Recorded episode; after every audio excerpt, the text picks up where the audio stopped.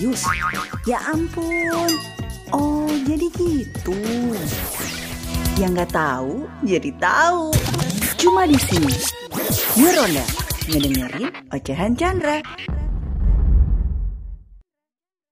Ya, memasuki waktu wilayah bagian anak lebih tajir daripada orang tuanya.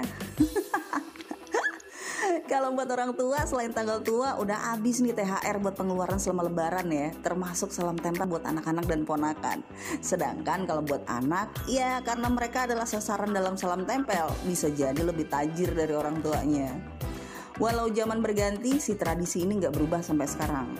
Ya paling karena kena inflasi nominal rupiahnya aja yang berubah sama cara ngasihnya ya kan ada yang isiin GoPay atau transfer lewat OVO ini sih masih normal karena kan lagi emang nggak bisa ketemu karena pandemi daripada rempong-rempong nyari nomor rekening transfer yang mendingan lewat telepon Terus juga ada nih bapak-bapak yang beliin duit Roblox atau Robux buat anaknya dan ponakan-ponakannya.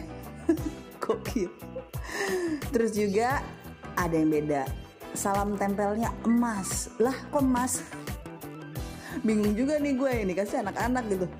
Kenapa nggak bapak ibunya aja yang dikasih? Jadi nih emas diamplopin gitu. Kita telepon ya yang ngasih ya. Dia ini adalah ownernya BM Coffee Jelly, BM Kitchenette, Pramugari, punya Justin juga.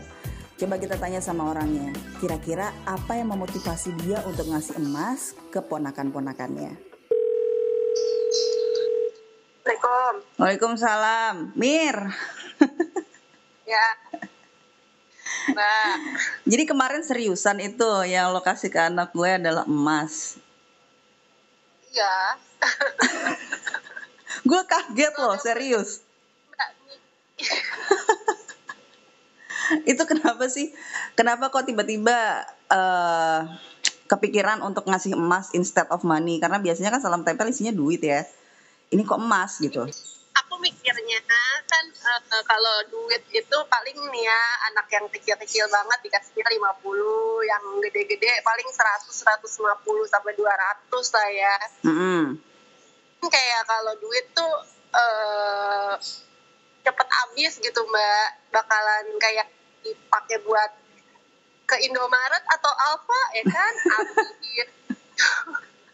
belanja jajan-jajan terus di dekat rumah aku ada warung lagi kan Ah-ah. itu bakal gatel tuh mereka kalau dikasih duit tuh Eh, jadi biar sekalian mereka tuh eh, belajar nabung Nah, nih ya, Gitu. eh, kamu kamu ngasih ponakan-ponakan kamu emas ini sejak kapan? Baru tahun ini atau kemarin-kemarin udah mulai?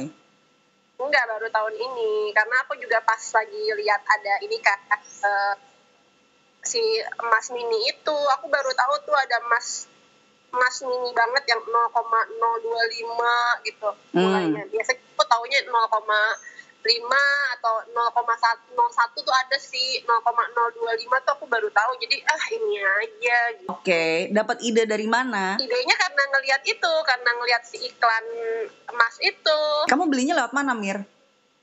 Aku beli lewat online Wah, cakep nih, cakep. berapa gitu mbak buat kayak driver ngasih driver kan mereka pasti seneng gitu ah apaan emas gitu ya kan Banyak cara yang bisa dilakukan untuk bikin orang lain bahagia, terutama di saat Idul Fitri seperti ini ya. Walaupun nggak berbagi secara materi atau harta, tapi at least silaturahmi harus dijaga. Ngeronda, ngedengerin ocehan Chandra.